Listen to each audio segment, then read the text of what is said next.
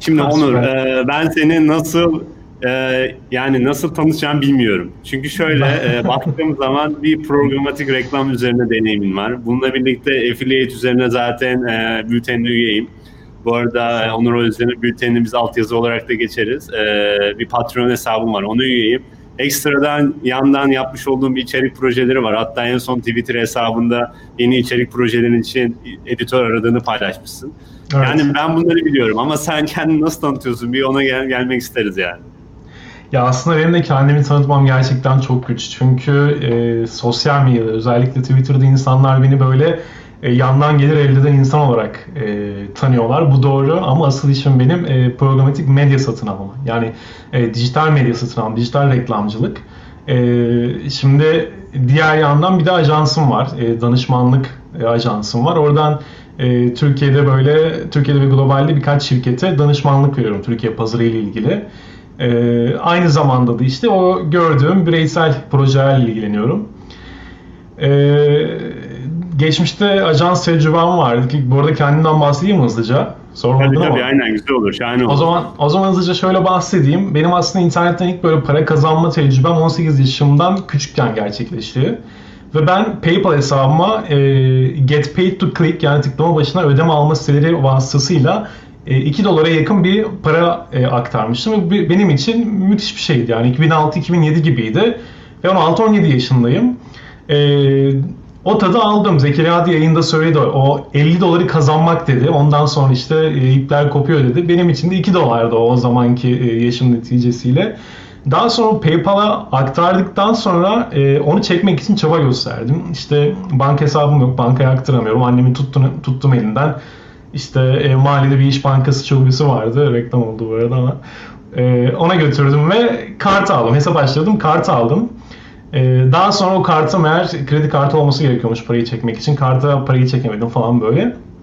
Ama o zehri aldım ben ve devam etti. Ee, daha sonra üniversite boyunca yine içerik projeleri yaptım. Ee, Amerikan esinlenli bir proje vardı. Kupon indirim kodu projesi. Üniversitede onu kurdum. Türkiye'nin ilk indirim kodu sitelerinden bir tanesiydi.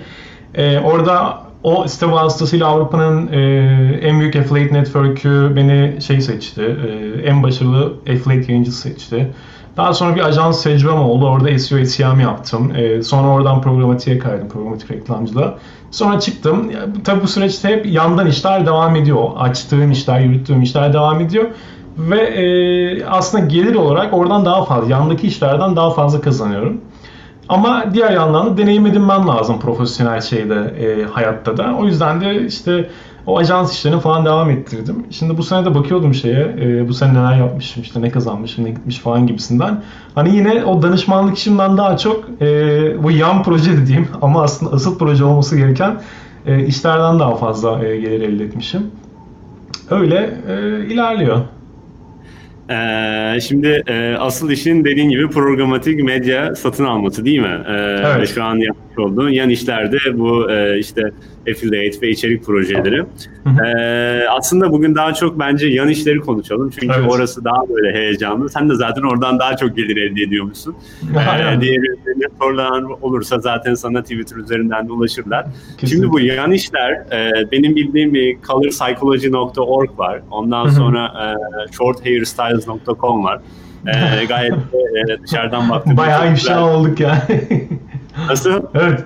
Baya baya ifşa olmuşum yani hani anlatmışım işleri. Normalde insanlar çok e, söylemiyor da ben tabii açık açık söylüyorum. Aynen bunlara ek olarak e, başka başka sitelerde var. Yani bunları özellikle duyurma sebebim aslında bunların birer hikayesinin olmasıydı. Ve Patreon'da da zaten bunlardan bahsediyor olmamdı. Ama bunlara ek olarak da var. Yani bunlar reklam geliri elde ettiğim siteler. Ama affiliate yaptığım sitelerim de var. Ee, hı hı. O, o şekilde yani. Aynen Facebook grubun var, affiliate yaptığın şeyler var. Ya ben şeyi merak ediyorum. Bir, e, bunlar senin ne kadar vaktini alıyor e, ve ne, ne kadar zamanda oluştu? Çünkü şimdi e, zaten esas olarak bir uğraştığım bir full time işten bahsettin. Yani full time demeyeyim de danışmanlık verdiğin. Hı hı. Arda kalan ne kadar bir vaktin oluyor ve bu yan projeler senin e, haftada ne kadarını ayırmana sebep oluyor? Yani ne kadar ayırıyorsun bu projelere? Ee, şöyle söyleyeyim. Şimdi bir noktada sürdürülebilirlik yakaladıktan sonra yani sitelerin e, kendi kendini idare edebilir konuma gelip e, hatta kar da elde edebildiği noktada e, çok ilgilenmene gerek kalmıyor. Ne yapıyorsun? İşte e, az önce Twitter'da paylaştım. Upwork'ten ilan veriyorum, editör ilanları. Daha sonra her sitenin başına birer tane editör koyuyorum. Ve onlar e, hem içerik sağlıyorlar hem de yayınlıyorlar. Ben sadece kontrol ediyorum ve onlara başlık gönderiyorum. E, kullandığım işte SEO araçları var. Onlardan e, konuyla alakalı başlıkları, rakiplerim hangi kelimelerde, hangi e, makalelerle pozisyon kazanmış onlara bakıyorum. Ve o başlıkları iletiyorum e, istediğim detaylarla birlikte. E, onlar e, hazırlayıp yayınlıyorlar. Yani ben sadece işin strateji bölümündeyim. E, tüm operasyonel ve e, diğer işlerde sitelerin başına koydum. Editörler tarafınca e, yönlendiriliyor. Benim de günde e, maksimum bir buçuk saatim alır. Bu dışarıdan yürüttüğüm e, yan projelere ay- ayırdığım vakit. Çünkü dediğim gibi hepsi outsource edilmiş. Hepsinin başına birer editör konulmuş durumda. Ve ben sadece e, Google Docs üzerinden işte o hafta yazılacak makaleler, e, dikkat edilecek noktalar onları paylaşırım. Hafta içerisinde de bakarım e, nasıl ilerliyor, nasıl performans gösteriyor. Ve ona göre işte optimizasyon tavsiyeleri veririm editörler ya da e, ilgimi çeken başlıklar olduysa onları paylaşırım. Ama yine özetlemek gerekirse bir, bir buçuk saat. Çünkü işimin tamamı outsource edilmiş vaziyette.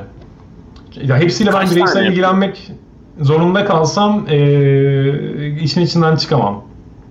Anladım. Kaç tane böyle şu an e, proje var yandan ilerlettiğin? Hmm, Yani 7-8 tane vardır. 7-8 tane vardır. bunlar- 3 tane de e, 2021'e girerken 3 ayrı proje daha, web sitesi daha kurdum. E, onları da yürüteceğim diğer yandan e, ve arttırmaya çalışacağım. Yani bir noktada bunları yapıp e, karlık noktasına getirip o noktadan sonra da e, eğer ciddi alıcılar varsa elden çıkarmak asıl şeyim, e, amacım, misyonum. Hı hı hı hı hı, Aynen. Ee, bu 7-8 projeyi peki e, şu an günde bir buçuk saatlik bir düzende e, takip ettiğini aktardın. Ee, burada şöyle bir şey kurabilir miyiz yani denklem kurabilir miyiz? Sen buna bir buçuk saat ayırıyorsun ama iki buçuk saat ya da dört saat ayırabilirsen bu siteler çok daha farklı noktalarda olur diyebiliyor muyuz yoksa yine aynı mı olacak? Ee, aslında diyemeyiz ya. Yani e, neden diyemeyiz? Çünkü yani benim yaptığım orada bir iş yok zaten. Hani işin e, iskeletine hakimim ve neye ihtiyacı olduğunu biliyorum. Hani atıyorum e, haftada 10 içerik girişi e, talebi yaratıyorsam yani 20 talep yaratmam gerekir. Bu da ekstra 10 dakikamı alır yani bu talebi yaratmak. Hmm. Hani tabii sitenin hızlı yükselmesi için e, içerik güncelliği iyi bir faktör. Fakat e, yani mevcut zamanla e, birçok şeyi halledebiliyorum zaten. Hı hı. Şeyi merak ediyorum Onur. Şimdi şu anda yine aktif olan 7-8 yan projeden bahsettim ve bunların anlıyorum ki çoğu gelir elde ediyor. Hı hı. Ee, ama bence senin bir de e, şeyler vardır. Yani deneyip de gelir elde etmeyenler ve böyle kapadıkların vardır. Yani bunu böyle şu an kafa yorduğun 7-8 proje gibi değil de genele vurduğumuzda. Sen mesela bu yıl kaç projeye başladın da şu an 7-8 tanesi kaldı? Bence o oran daha güzel. Çünkü sen şu an dinleyenler zannediyor ki Onur her işini böyle güzel bir şekilde götürüyor, gelir elde ediyor ki bence Evet. öyle olmuyor. O oranı da Evet. söylesek olur. Ee, şöyle e, sene içerisinde gerçekten çok farklı işlere dahil oluyorum. Mesela mobil uygulama deniyorum, işte web sitesi deniyorum, işte e, sosyal medya kanallarıyla affiliate yapmaya çalışıyorum. Farklı farklı şeyler yapıyorum. Yani bunların sayısını bilmiyorum ama e, yani 20'ye yakın işe girip çıkıyorumdur. Şu an 7 projenin tamamı da aslında şey yapmıyor böyle tamamı derken e, ya bunların asıl e, işi yürüten 3-4 tanesi. Diğerleri kendi kendini idare ediyor. Ama bunlar da e, hani bir ışık gördüğüm ve e, yine asıl gelir kaynaklarına dönüşeceğine inandığım projeler. E, ama yine dediğim gibi e, yani sene içerisinde çok açıp kapadığım, deneyip yanıldığım çok şey oluyor.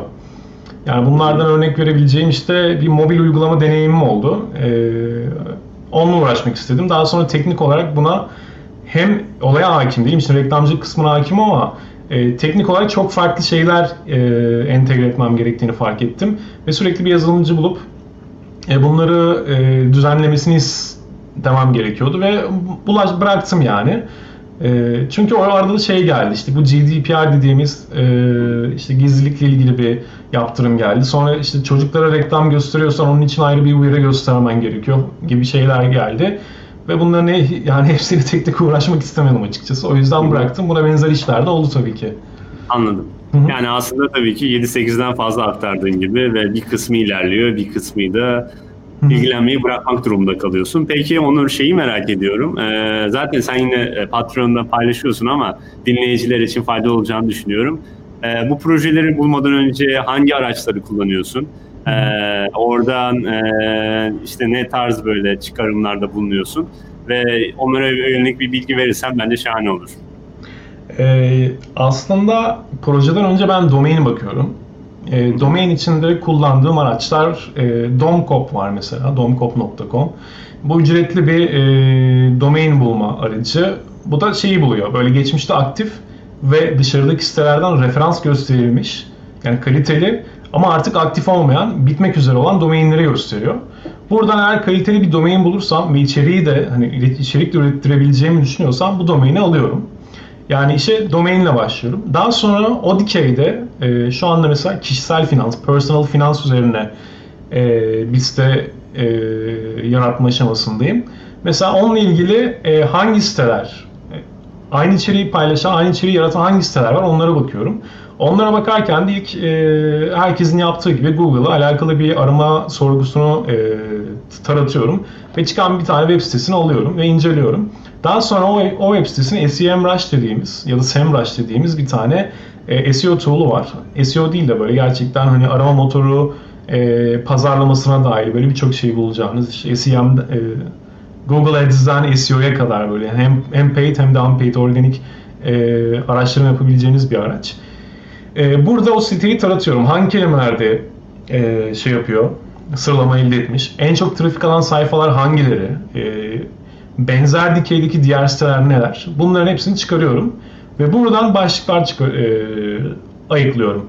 Başlıkları ayıklarken de ilk baktığım yer sitenin en çok trafik aldığı sayfalar oluyor. O sayfaların hepsi aslında benim benim de trafik almak istediğim sayfa içerikler ve e, onlarla ilgili de yine bir araştırma yapıyorum. İlk e, 10 sonuçtan 5 tanesine falan tıklıyorum. Böyle neler paylaşılmış, e, içerik uzunlukları neler, ne kadar detaylı, ne kadar alt başlık var, işte ne bileyim video falan kullanmışlar mı, içeriği nasıl zenginleştirmişler gibi detaylara bakıyorum.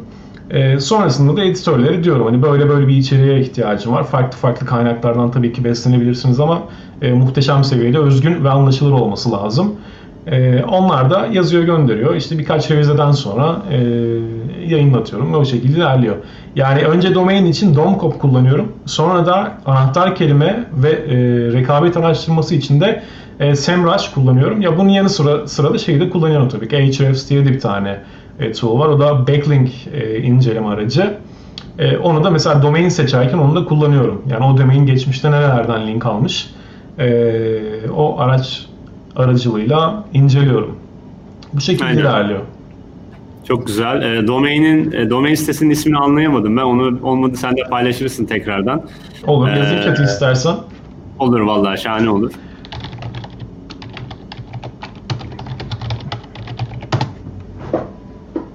Evet buradan alayım. E, Domkop.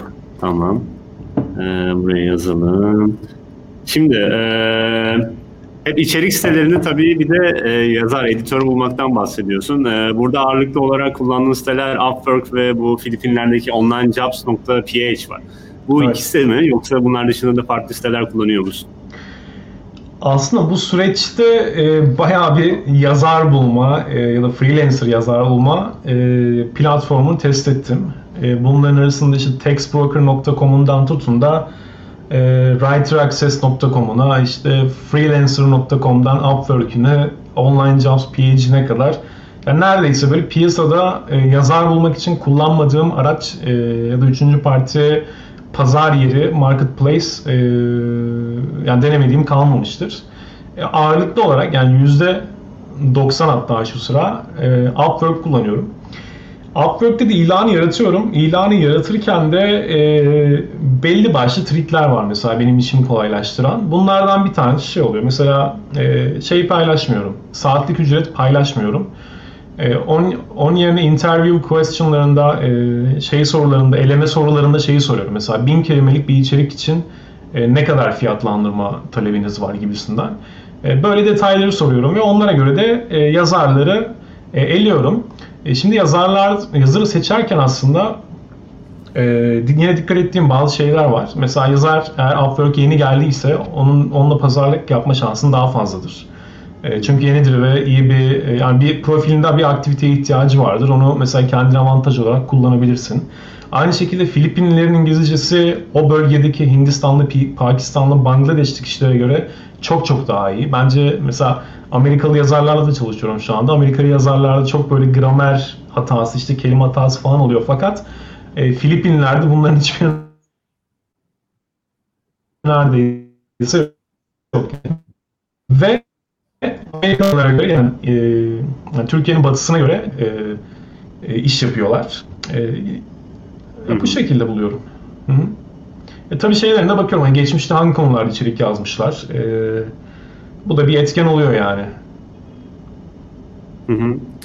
Çok iyi. Ben bir tane, bir iki tane projeni böyle anlatmak ister misin? Böyle hikayesiyle birlikte.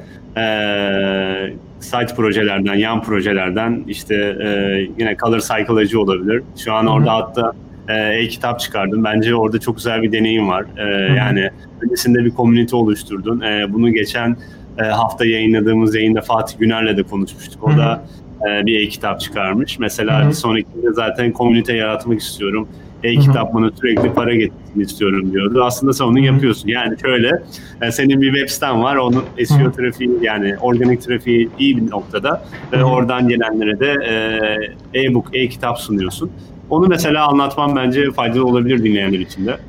Olur. Şimdi e, colorpsychology.org'da e, aslında bir domain üzerine kurulmuş. Yani benim renklerin psikolojisinden anladığım yok. Zaten renk körüyüm ben.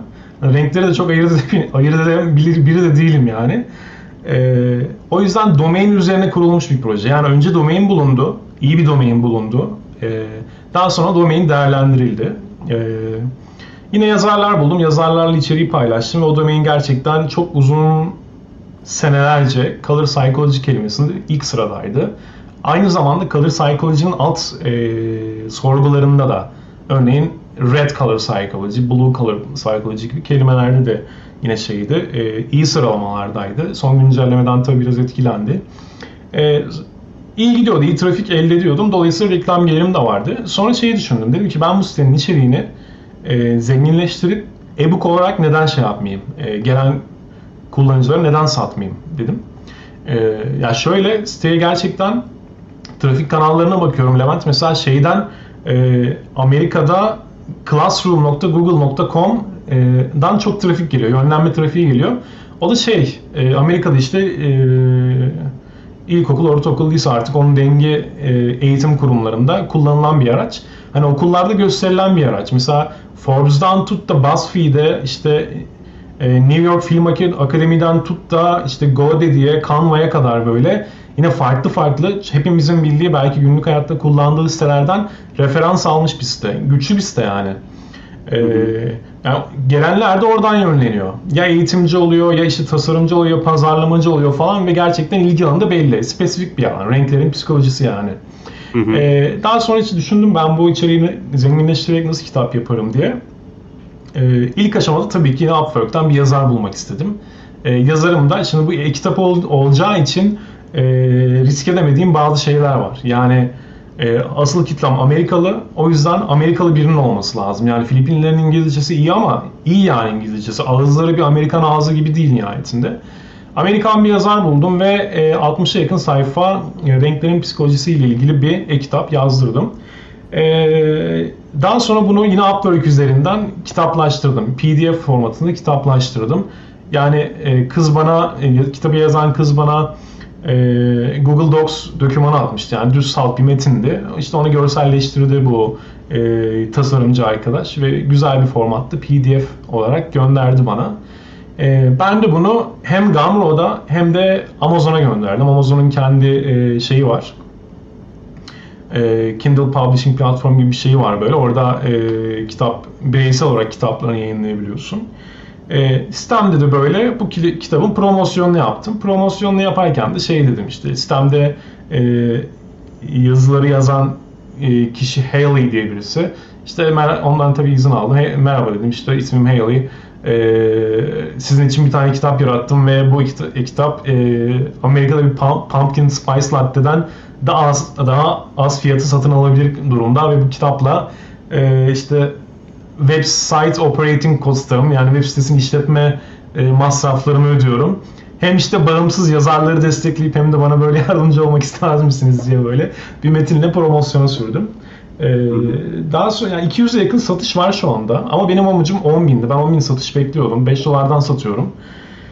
Ee, bini bulduğunda yine bunu işte Medium'da falan e, hikayeleştirip böyle e, oradan yürüteceğim. Biliyorsun bir de sideproject.link diye bir newsletter'ım var. E, onda orada da mesela e, bir hikaye olarak kullanmayı düşünüyorum. E, ya yani, başlamadın değil mi? E, sene başında başlayacağım. E, orada da yavaş yavaş oturdu her şey.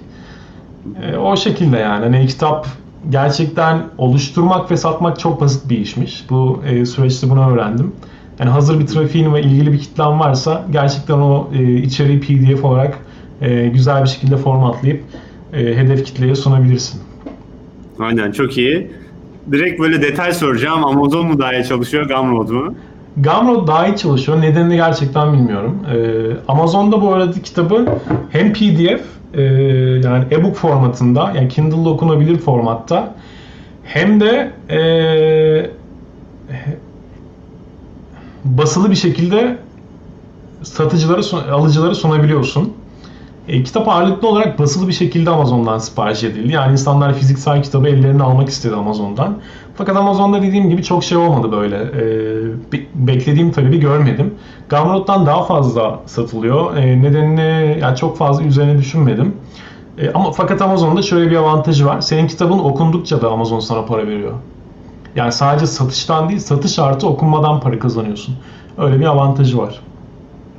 Onu nasıl takip ediyor? Yani e, Kindle üzerinden okunduğunda mı? Anlamadım orayı. Aynen, aynen, aynen. Kindle üzerinden okunduğunda. Yani fiziksel hmm. takip etmiyor. Aynen anladım, tamam. Ee, Okey şimdi oturdu. Ee, şimdi peki e, Onur, şimdi bir tane daha sorum var benim. Ee, öneriyle alakalı. Yani full time bir iş varken yandan bu şekilde gelir elde etmek isteyenlere ne önerirsin? Ee, ne tarz bir şekilde başlamalarını tavsiye edersin deyip sonra e, sorular varsa onları alacağım. Evet. Ee, yani full time iş varsa bir noktada başlaması gerekiyor tabii ama ne yapması ne yapmak istediğine karar vermesi gerekiyor. Yani Zekeriyaların yaptığı gibi Upwork'ten e, hizmet de satabilir, freelance bir hizmet de satabilir ya da benim yaptığım gibi bir e, küçük küçük ürünler yaratıp onlardan iyi gelirler de elde ede, e, edebilirler. E, bunun içinde bazı e, temel bilgilere ihtiyaç var. E, bu temel bilgiler ne? Tabii en başında İngilizce ihtiyaç var. E, akabinde işte web hosting, domain nedir, web hosting nedir, SEO'ya çok ihtiyaç var. E, yani sosyal medya ve e, arama motor optimizasyonun pazarlamalarına ihtiyaç, yani çok şeye ihtiyaç var aslında. E, o yüzden ben de bilmiyorum yani. Benim çünkü öğrenimim çok organik bir şekilde gelişti. Kimse e, yönlendirmedi. O ihtiyaç oldukça ben keşfetmek zorunda kaldım. Ama e, bir web sitesi açarak e, işe başlayabilirler. Yani o web sitesi e, bu işleri yapmak isteyen insanların oyun alanı olur. Orada hem Google Analytics öğrenirler, hem trafik nasıl çekilir onu öğrenirler, hem işte SEO best practice'lerini o site üzerinde uygularlar ve e, bu birinci, ikinci, üçüncü, beşinci sitede olmaz fakat yedinci site onlar için hani full time işlerinden daha fazla gelir elde ettiği e, bir iş olabilir. O yüzden hani başlangıç noktası olarak e, web sitesi kurmayı öğrenmeliler. Web, bu app de olabilir, e, web sitesi de olabilir. E, sonra da dijital pazarlamanın e, branşlarını öğrenmeliler. İlk olarak da SEO'dan başlayabilirler. Hı hı. Hı. Çok sağ ol aynen. Ben de hem fikrim yani bir noktada kendilerini öğrenmeleri gerekiyor. Okumaktan ziyade kendileri bir domain alsınlar, yavaş yavaş denemeye başlasınlar. Bu senin bahsettiğin bence oyun alanını kurmak çok iyi. Yani bir noktada bir yerde çalışıyorken belki öyle bir oyun alanına sahip olunmuyor. Çünkü sürekli bir yerden bir kişiden izin almak gerekiyor. Bunu deneyelim mi, bunu yapalım mı? Kendi oyun alanı olursa her şey serbest oluyor. O bence evet. çok değerli. Ee, her şeyi deneyebiliyorsun yani. Çok kıymetli orası. Kesinlikle. Ee, bir tane soru var. Editörlerle ücret konusunda nasıl anlaşıyorsunuz şeklinde. Yani bence bu yine yazıya göre değişiyordur ama bir aralık hmm. vermen gerekirse. Yani benim için şu anda okey olan ücret e, 1000 kelimeye 15 dolar. Buna okeyim. E, yani aşağısı olursa daha iyi olur fakat kalitesine de bakarım. Yani ücret konusunda anlaşmayı e, yayın başında da söyledim. E, ben teklif topluyorum. Yani diyorum ki sen bin kelimesini ne kadar? Upwork'ta ilan açıyorum ve e, görüşme sorusu olarak e, custom yani özel sorular girebiliyorsun. Kendi sormak istediğin sorulara girebiliyorsun Upwork'te. Orada soru, soru olarak da bin kelime için ücretlendirmen nedir diye soruyorum. E, tabii orada bin kelimeye e, 150 dolar isteyen de var, 60 dolar isteyen de var, 7 dolar isteyen de var. Ama benim için okey olan e, rakam 15 dolar oluyor genelde. Hı hı. civarı hani 27 çıkabilirim eğer çok iyi yani o konuda uzmansa. E, oradan fiyat toplayarak aslında bir e, ortalamasını görebilirler. E, fakat şeyi de unutmasınlar yani her zaman işte Amerika, İngiltere, e, Kanada gibi ya da Avustralya gibi ana dil İngilizce olan e, freelancerlar e, her zaman daha fazla para isteyecekler. Bunlardan ucuz isteyenleri de bulabilirsiniz. Nihayetinde orada da öğrenciler ve Upwork'e yeni dahil olmuş olanlar var. E, fakat e, özellikle Filipinleri çok tavsiye ederim. Oradan daha ucuza ve kaliteli bir şekilde e, içerik sağlayabilecek e, insanlar, freelancerlara ulaşabilirler. Hı hı. Çok iyi aynen 15 dolar bence gayet makul. Bir de orada sen tabii site üzerinden önümüzdeki dönemlerde elde edeceğin geliri de hesaplayarak 15 diyorsun değil mi? Yani 15 diyorum. Şey aynen. Ya bir de şöyle e, ben bayağı cömert davranıyorum aslında editörlerime. Yani bunu zaten arada Twitter'da paylaşıyorum. Mesela en son e, benimle bir buçuk senedir çalışan bir editörüm vardı. O üzerine çalıştığımız sitemiz satıldı ve o, o satıştan da komisyon verdim mesela. E, yani bonus verdim. Yine ara ara bonuslar da veriyorum böyle. Hani kazanmaya başlayınca zaten 15 kalmıyor. 20 oluyor. E, bazen 25 oluyor. Bazen ekstra bonuslar falan veriyorum. Hani şey davranmıyorum o konuda. E, tutucu davranmıyorum. E, çünkü ben onların sayesinde kazanıyorum yani günün sonunda. Onlar mutlu olursa ben de mutlu oluyorum. Aynen güzel. Bir cömertlik var orada. Bazıları hatta böyle affiliate gelirlerini bile paylaşanlar olduğunu duymuştum. Seninki evet. de gayet güzel. Bonus olayı da bence gayet değerli.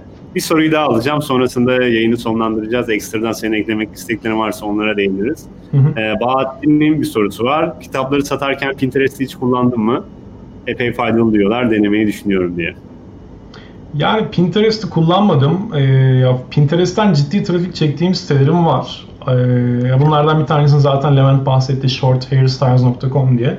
Mesela Pinterest'te ya buna benzer ürünleri belki satı yani satılmayabilirim. Hani color psychology çok spesifik bir alan. Fakat yani Pinterest kitlesi ilgilenebilir ama Pinterest kitlesi nasıl ilgilendiği konu benim için şey gibi böyle. İşte saç modelleri, işte oturma odası takımları, ne bileyim e, ona yani mimari tasarımlar falan böyle. Hani biraz daha böyle yani estetik e, konular gibi geliyor. Denemedim e, ama deneyebilirim yani. Hani bir engel yok denememde. Aklıma gelmemişti satılmayacağını düşündüğüm için. Çok güzel. Hı hı. Vallahi onlar çok güzel gidiyor. Ee, yayını sonlandırmak durumundayım yavaş yavaş. Bayağı güzel e, sorular da var. Biz seninle ekstradan bence ayrı bir yayında yapabiliriz. Daha böyle uzun detaylı konuştuğumuz. Ee, tamam. müsait olduğum bir günde, zamanda önümüzdeki sene için diyebiliriz. Ama öncesinde kapatmadan önce seni eklemek istediklerin var mı? Onları almak isterim. E, eklemek istediğim ek bir şey yok yani. Hani sorulara ben zaten YouTube'dan bakıp Twitter'dan dönerim daha sonra. Çok soru var. Aynen o da olur. Aynen. şu anda. E, bence güzel bir iş yaptınız bu e, konferansla. E, ben de gün boyu böyle köşede keyif alarak dinledim e, birçok yayını. Ve gerçekten e, hani özellikle ben e, 31 yaşındayım. Hani genç neslin böyle e, böyle şeylerle uğraşıyor olması çok e, ümit vaat edici yani. İşte bakıyorum evet. bir yandan İrfan işte diğer arkadaşlar falan güzel işler yapıyorlar. Ee, umarım herkes böyle bir şekilde e, sıfırdan globale ihracat yapmaya teşvik olur ve yaparlar. E, elinize Aynen. sağlık, aklınıza sağlık. E, çok keyif aldım ben yaptığınız işten. Sağ olun. Çok sağ ol valla Onur. Biz de e, seni ağırladığımız için mutluyuz ayrıca. Uzun zamandır seninle konuşuyorduk. Kısmet evet. bu konferansaymış diyelim. Evet evet. Aynen. E, tekrardan ağzına ayağına sağlık. E, inşallah dediğin gibi genç nesile bir noktada hep beraber sizlerle birlikte ilham oluyoruzdur ve onların da yavaş yavaş böyle döviz kazanmasına ve yurt dışına işler yapmasına vesile oluyoruzdur diyelim. Ee, tekrardan da çok teşekkür ediyorum katılımın için. Ben teşekkür ederim. Görüşürüz. Görüşmek üzere. Sevgiler, iyi akşamlar.